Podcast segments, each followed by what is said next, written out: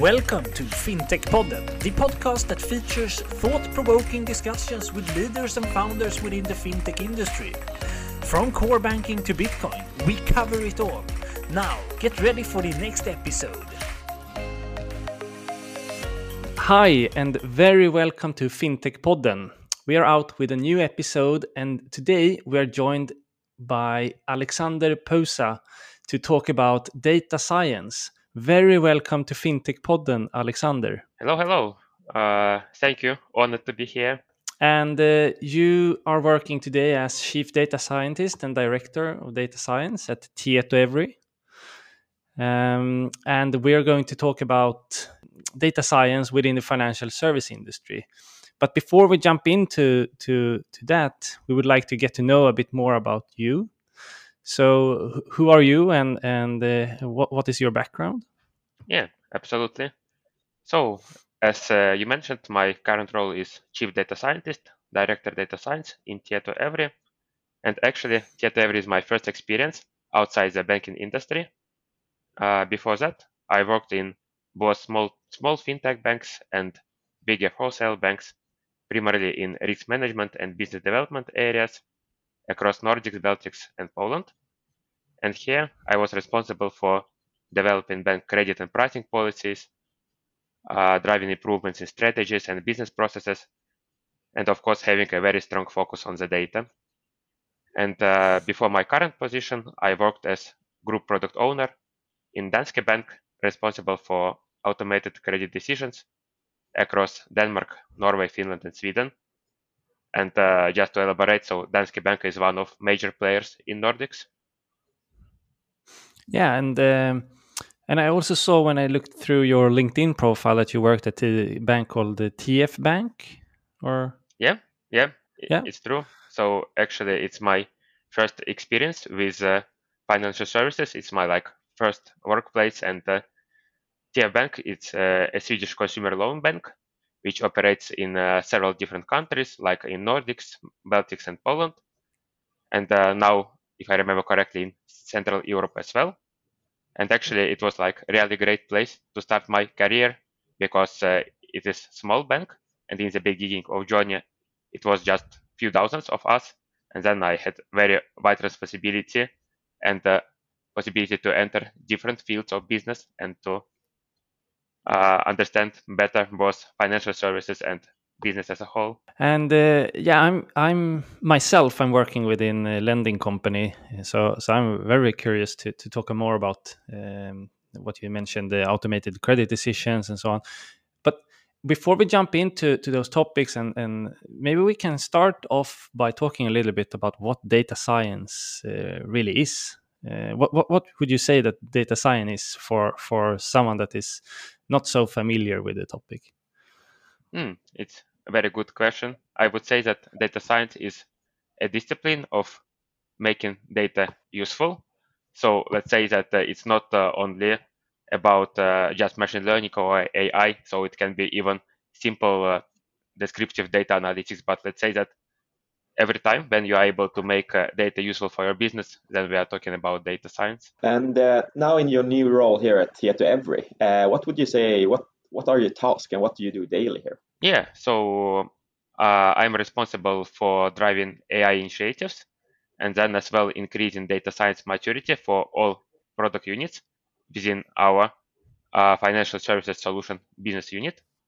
So actually, I'm part of uh, recently formed data and AI horizontal team. And our ambitions is, let's say like this, to transform our current software products from system of records to system of insights, which is one of top three strategic priorities for Tietoevry.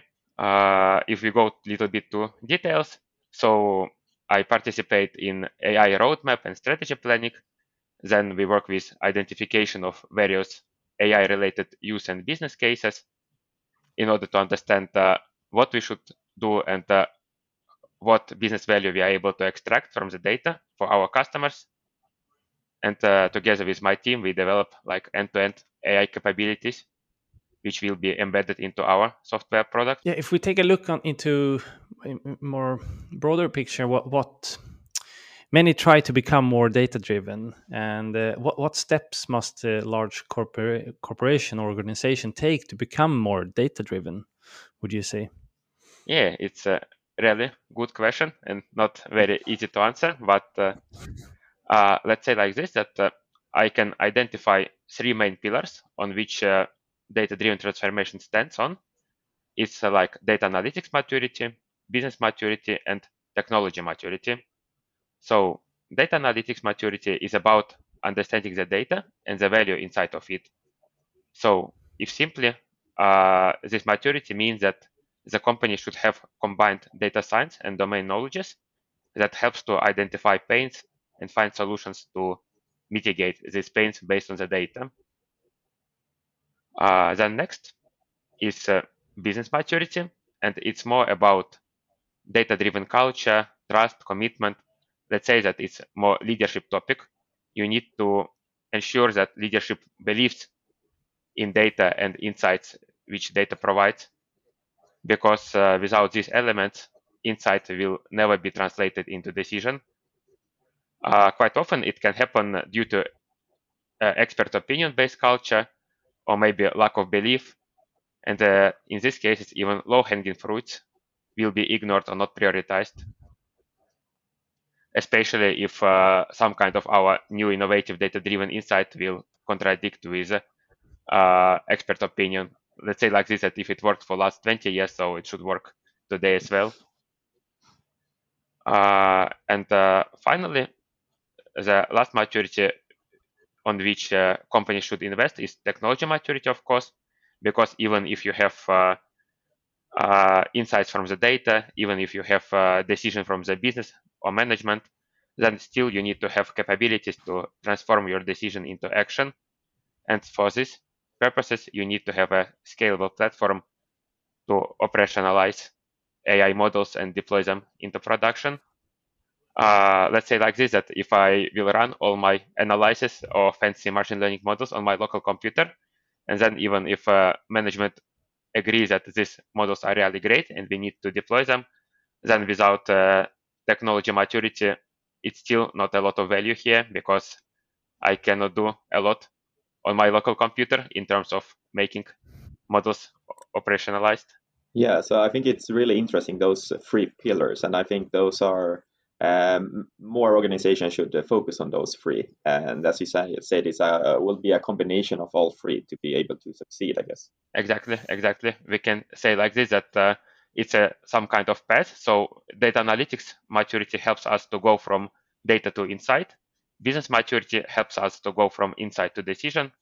And then finally, technology maturity helps us to translate uh, decision into action. But what if we look at like what type of other capabilities like uh, when it comes to competences what should a large company do within that area to be able to drive success within these three different pillars?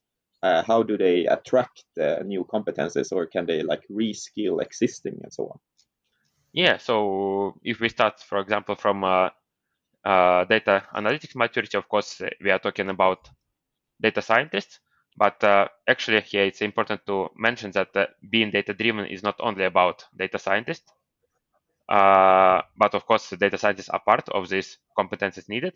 But still, uh, data scientists alone neither brings value to the company nor makes company like really data driven, uh, because uh, due to let's call it like lonely rider dilemma. So one person cannot do everything, and one person doesn't have all skills required to make the whole data-driven transformation. Uh, because as we discussed, in order to be data-driven, it means that you should have all three maturities in place.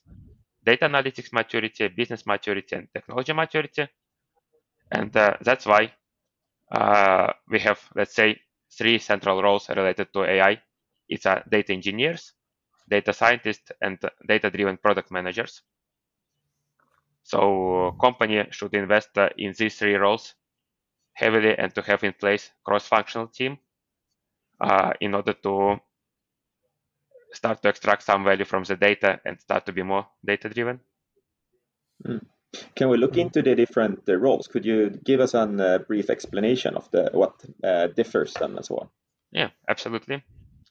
Uh, data engineer actually takes a grip on company data assets. So he or she is responsible for cleaning and transforming the data into a more usable format. And then as well, data engineer supports uh, data scientists in deploying their models into production environment. So we can say that this role is ambassador of technology maturity. Hmm. Uh, then, of course, data scientist who transforms data into insight by digging into the business problem, translating business problem into, let's say, mathematical model, and then based on it, uh, developing various models which fit the final goal. So this uh, role commits to data analytics maturity. And uh, the last, data-driven product manager, it's a more strategic role. Uh, their responsibility is to understand what are actually real customer and stakeholder needs. Then uh, they need to streamline these needs and formalize them into specific business problems. So we can say like this that product manager plays a role of a bridge between data scientists and business stakeholders because uh, quite often stakeholders have a little bit unrealistic expectations about AI and uh, sometimes they are unable to clearly define a business or use case because uh, they have a lack of uh, data science related knowledge. Uh, and uh, at the same time, data scientists might suffer from some missing domain knowledge. And uh, that's why it makes it impossible for them to challenge stakeholders' requests or define business cases themselves. And here, product manager steps in and it helps both data scientists and uh, stakeholders to work together.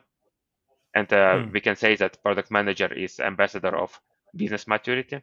Yeah, nice. And, and um, we we also talked about the system of insights and uh, and what that is. And what concrete steps do you have to take uh, or to go from systems of record to systems of insights? Uh, so, as I mentioned, uh, uh, Tieto is transforming uh, our software products from system of records to system of insights. So, and what it means in practice, it means that uh, our products uh, should start to be intelligent and support our customers. Let's say not only in daily operations, but more in, for example, strategic decision making and the improvement of overall operational efficiency. And uh, this means that our products will be able to accelerate data-driven transformation significantly uh, in order to have these intelligent products in place, first of all, we need to understand uh, what our customer needs are and what is a business model. Uh, we have to know how exactly customer business model operates and in what market environment, because uh, this will help us to identify pains and uh, to understand what exactly AI solutions we need to provide to our customers. Because uh, by the end of the day, our solutions should help businesses to extract value, not just to have fancy AI solution for fancy AI solution. Mm. Uh, so that's why we have uh, a tight cooperation with our customers and partners to be on the edge of the, let's say, latest innovation and latest market situation in financial services area. Uh, then, uh, next, we should have a deep uh, software knowledge and data science competences because combined, this provides a surprisingly strong foundation for the successful development of AI capabilities. Uh, because the primary issue many customers face, even if they have a dedicated uh, data science team, finally solutions still are not deployed into production. Uh, for instance, according to VentureBeat reports, around 90% of machine learning models never make it into production, which is like really big number. Mm-hmm. So Tietoevry, in contrast, has a very strong track of profitable growth related to software development and uh, its deployment. So that's why it gives a strong basis and confidence that we will be able to construct end-to-end AI solutions. Uh, so that's why what we need to do, we need to continue increase our maturity in data science field, which is relatively new to us as well. And then to be on the edge of the most recent research related to data science and AI development. Hmm. Just a follow-up question on that. You said around 90% of the machine learning models will not make it into production. Uh, yep. Do you think what do you think is the underlying reasons for that? Is it just because you use it for experimentation, or uh, is it hard to find the right value proposition for it, or do you think there's any specific problems today? Yeah, I think that you at least partly covered uh, some of these issues. So let's say that it uh, relates to business maturity due to lack of trust uh, from management. Uh, for example, you can show that this models works fine, and then uh, management, let's say, from logic perspective is convinced, but from hard perspective they are not convinced yet, hmm. and that's why uh, the progress of uh, AI development is very slow, and uh, that's why deployment can be postponed heavily or maybe even haven't happened at all. Uh, another reason it can be technology maturity because uh, financial services and banks quite often work, let's say, in old uh, or relatively old technology stack, so they are a little bit constrained by technical debt and some, let's say, old legacy systems. And that's why even if you have uh, nice AI ideas, or for example, you have been able to create AI model based on your local computer, then the issue is that uh, your technology stack just doesn't allow you to make hmm. uh, this model into production. So finally, you need even either to make the model much more simple, and then it of course lose a big part of its efficiency and performance, or maybe you can partly utilize your models from strategic business decision making, but not from let's say deployment perspective? Very interesting. And if, if we take a look at more in the of the financial sector what areas or products do you see most value to add the ai or apply ai on? Uh, i think that we can uh, divide uh, this question into two parts. So if we think from current moment of time I think that the most practical value AI could bring now is uh, within lending and credit decision making area. Because if you consider a whole lending process, let's say from application to loan origination, uh, loan life cycle, and uh, loan repayment, so whole lending life cycle can be optimized by utilizing data science and AI. For example, you can develop win rate model to understand uh, how to better target your customers, uh, you can uh, develop a credit risk model in order to increase approval or acceptance rate uh, of your bank Uh, and uh, decrease credit losses. Uh, you can have various churn models in order to ensure customer retention and to contact customers in proactive manner if customers has risk to leave a bank. So everything can be modeled, and uh, through this, combining all these models, you can end up with, let's say, customer lifetime value in order to understand what exactly credit appetite you should have, what uh, pricing policy you should have, what uh, marketing and customer acquisition policy you should have in order to have, uh, let's say, to have profit as uh, big as possible.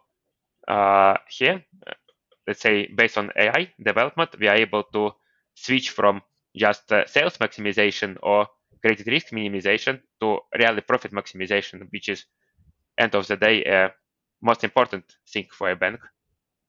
Mm. Yeah, that, that's very interesting. It's something that I work with every day. So uh, I'm also thinking: Do you do you think that there is uh, some data sources that could be used that is not used today in in credit decision, for example? Uh, yeah, it's very good question. Uh, of course, uh, we can uh, always talk a lot about external data providers, not just um, typical credit bureaus, but for example, some other providers which can provide you information, for example, from Facebook or, or other external data providers which can give a more, let's say, 360 degree overview around the customer. But of course, what I see as well, that uh, many banks actually don't utilize their own data at full scale. Uh, mm-hmm. Usually, banks are quite efficient in uh, working with loan origination data, so they know how to work uh, and to create models based on uh, uh, origination data. But uh, sometimes they are lacking of knowledge related to actually loan administration data, data related to loan lifecycle. Because, for example, here you have a big potential to understand in uh, what moment of time uh, it makes sense to proactively contact the customer and to offer him or her, let's say, higher credit limit or, for example, lower interest rate. Uh, what is your like uh, re retention situation uh, within a company? So let's say that I think that this loan administration data is actually still a big pool for new data insights, which is not fully utilized by banks and financial industries. Second part is uh, what I see in terms of future. So what uh, will be in the future? Let's say if we look uh, to five or maybe 10 next years, then I see that uh, actually here what happens now is that uh, data science uh, primarily disrupts uh, retail banking, but actually there's not a lot made now related corporate banking. So corporate banking still remains, let's say, relatively conservative, and uh, I think it's just a question of time when uh, fintech and data science will start to disrupt uh, corporate banking as well. For example, merger and acquisitions, investment banking, credit rating of debt securities and bonds cash management, all these areas uh, at this stage do not use data science a lot. And I think that uh, these areas will be affected by AI innovations in near future. Actually, hmm. already now, I know that some startup companies like uh, Exabel or Scorable are already start to develop some AI-powered solutions, for example, to outperform bond market by having AI-based uh, credit ratings instead of you know like classical Moody or other ratings. Any other field here within financial service industry that you will see uh, where you believe we will see some changes in the coming years? Uh, another field uh, what came in mind is uh, fraud and money laundering, because uh, if you follow news for last few years, uh, actually, at least in Europe, there were like a few recent money laundering cases and scandals. And actually, this shows uh, how weak this field currently is. And uh, in order to, let's say, improve the situation, banks actually started to invest heavily into compliance. But this happens more like we are hiring additional staff, which uh, accelerates actually salary inflation and worsens the cost basis of the banks. Because, for example, according to Reuters, uh, officers face approximately 50% salary increase in Denmark. So that's why banks experience uh, considerable pressure on P&L.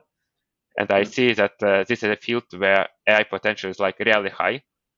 Because uh, let's say like this, that in order to have successful money laundering prevention, banks has to analyze, let's say, millions of transactions daily, searching for different patterns, uh, identifying anomalies. And uh, I do not think that uh, just hiring more and more people, it's uh, let's say a perfect and adequate uh, response on these issues. Hmm. Um, another topic, uh, maybe we touched upon it a little bit before, but when it comes to ethics uh, and use of data and so on, especially within data science and how we use the actual data, what's your uh, like do you have any, any general best practices when it comes to this and uh, what should you think about and so on uh, yeah uh, let's start with the expression of uh, dr oren Etzioni. he is a chief executive officer of uh, allen institute for artificial intelligence actually he said following words that ai is neither good nor evil it's a tool it's technology for us to use so and i go very much along with this idea. The machine learning models or methods uh, like, let's say, neural networks, decision trees, uh, support vector machines, etc., etc., they do not have uh, ethics as such. So they are just tools to be used. So ethic dilemma lies in the way how we use these tools and how we teach these tools. So actually, as we know, learning uh, of machine learning models is based on data. So you feed the model with the data, and then model acts correspondently to it by catching various patterns in the data and uh, various signals. Uh, and then AI provides these insights uh, based on this statistical significance of these patterns. So that's why I would say that it's incorrect to say that AI itself uh, has bias, for example, towards gender or race, but it's correct to say that data could have these biases. So that's why, uh, yeah, to answer your question, uh, if uh, we see that uh, data has biases. For example, if we see that uh, data shows that there's statistically significant difference in default rates between males and females, then AI model will act correspondingly to this because uh, it makes a decision based on this data. So that's why to uh, omit risks of uh, discrimination or various biases, you need to be pretty sure uh, of what actually data is fed into the model. So from best practice perspective, that um, uh, easiest part is just to eliminate uh, variables which uh, or features which can have discrimin discriminatory background. For example, if you feed the model with uh, information about race or gender, it's already a step towards biases because actually you give this information to the model.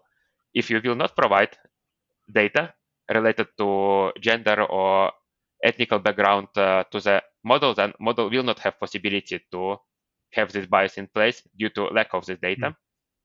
Uh, but sometimes it's not so easy uh, because uh, sometimes other features might have indirect relationship with discriminative features. Uh, so that's why what is a best practice to do in this sense, then when you develop the model, then you need to test uh, how model output differs between different groups, for example, uh, between males and females. If we have uh, like ceteris paribus situation, like all other things being equal, and in these situations, if your model is not biased and uh, it's like say uh, ethically correct, then you shouldn't have uh, any differences in uh, output estimations between, for example, genders or ethnical backgrounds if all other things are equal. Hmm. So from my perspective, I would say that these two uh, are best practices which uh, at least uh, myself using heavily mm. during like development work.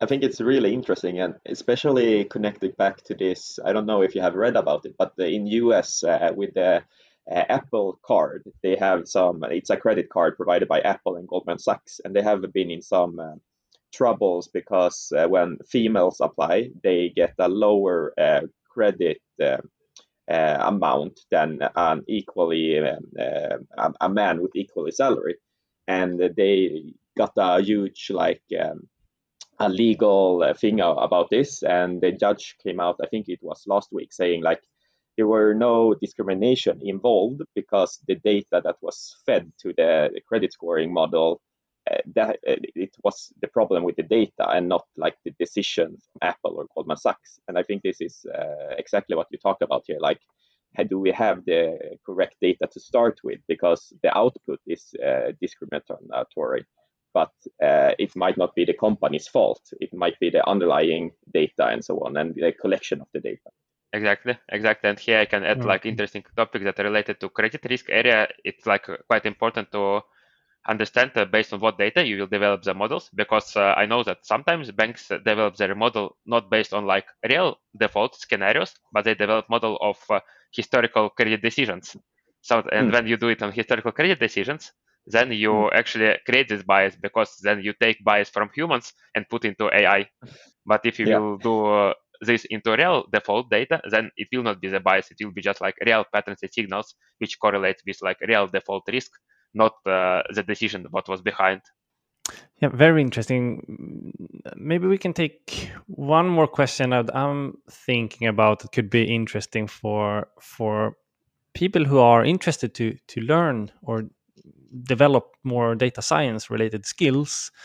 Do you think should they go to the university and take data science courses and so on, or or do you, do you have any other sources to to educate where people can find education within this space? Yeah, it's uh, actually a very interesting question and not easy to answer. So let's say like this, that um, data science, it's a conglomeration of uh, statistical uh, knowledge, uh, some uh, coding skills, uh, and business domain understanding. And actually, when you look in different companies, you can have, or you can see that actually you can have quite different data scientists based on background. For example, for some companies, data scientist means that you know how to make pivot table in Excel. And uh, for some companies, uh, data scientist means that uh, you're able to code in uh, C sharp or C++ libraries for Python or other, uh, for example, R programming languages. And of course, it's like enormous big difference between two skills sets. Uh, so that's why there's like no clear answer what data science means, as uh, we talked in the beginning that uh, if it's discipline of making the science useful or data useful, then actually both uh, Excel data scientists and uh, machine learning data scientists are equally important. So, mm-hmm. but uh, in more general way, we are talking when we are talking about data science, we still uh, think that a person should have a, a, whole stack. So he or she should have uh, coding skills and uh, statistical knowledge, etc., etc. So that's why that universities are important in terms that they give you very good mathematical and statistical background, and you know better about some, let's say, hidden risk related to data and ways how you need to work with data in order not to have, let's say, various technical biases uh, and etc. But uh, nowadays, when we have uh, more and more computer power, then uh, actually the importance of these skills is a little bit decreased because now actually quite often model is able to understand itself what features are most important because before when we think from classical statistical perspective you need to analyze data you need to understand what are the most important variables you pick best of them put into logistic regression then you check that there is no correlation between them so it's like a big classical path and here of course you need to know all this let's say university background to perform this task but uh, in terms of machine learning models it's quite often that you can just put a lot of uh, predefined features into the model. You need to play with a little bit with parameters in order to make model not uh, overfitted, and then actually you can have a decently good model without uh, knowing statistics almost at all. So that's why uh, I think that uh, if you don't have a university background related to statistics and you want to start your journey as data scientist, then maybe going to university is a little bit too long path. Uh, so what I will propose that uh, you can start with uh, learning different open source or other courses like DataCamp or Coursera, Udemy Academy. So there are actually plenty of different courses now where you are able to train your skills. Then we have Kaggle, which is like a really interesting uh, player, which uh, gives you a possibility to uh, participate in various uh, data science competitions uh, when you can test your uh, hands-on skills on real data picked from some businesses who allowed this data to be shared and then you can see what uh, other guys are doing. So I think that now, in terms of uh, learning curve uh, speed perspective, it, of course, it's better to start this way. But at the same time, I'm not talking that the university is useless or not needed. So mm. I think that the person who has both like um, who has passed all these courses what I talked about, and then as well has university background, this skill set, of course, will be even more powerful and gives you more potential to extract value from the data.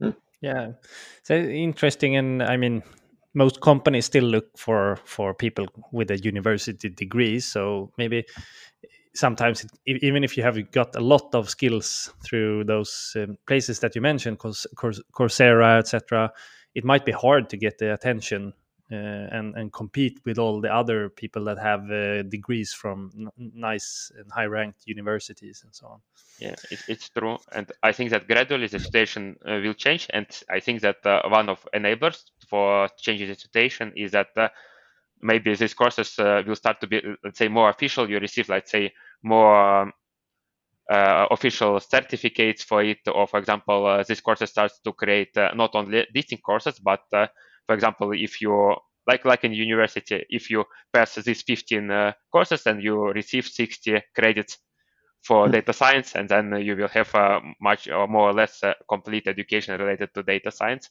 I think that this can help a lot because when you just uh, tell to recruiter that okay, I have passed uh, courses on Coursera, then of course it doesn't tell a lot to the recruiter because maybe it's one simple course like introduction to Python, or maybe it was like something really advanced.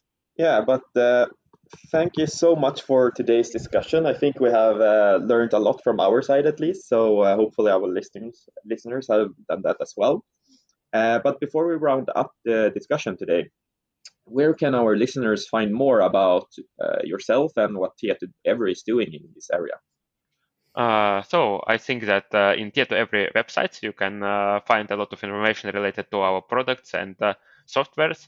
then actually Tietoevry as well has uh, various like digital events. If I remember, one of these events will be on May, where you can know more about in what direction Tietoevry is going and how we want to contribute to transforming uh, retail banking to be more innovative, uh, software and data driven. And of course, like uh, LinkedIn, I suppose here you can see some information about myself and we'll be eager to answer all questions if they mm. come from audience. Nice. Then uh, we say thank you so much for for joining the podcast, and uh, until next time, see you all. See ya. Bye bye. Bye bye. Bye. And that was it for today's episode. We hope that you liked it. Both I and Johan are very happy and thankful that you're listening to us. And if you like what we do here, please go into iTunes or whatever platform you're listening from and leave a review or a rate. We would appreciate that a lot. We will soon be back with another episode, and until then, have a good time.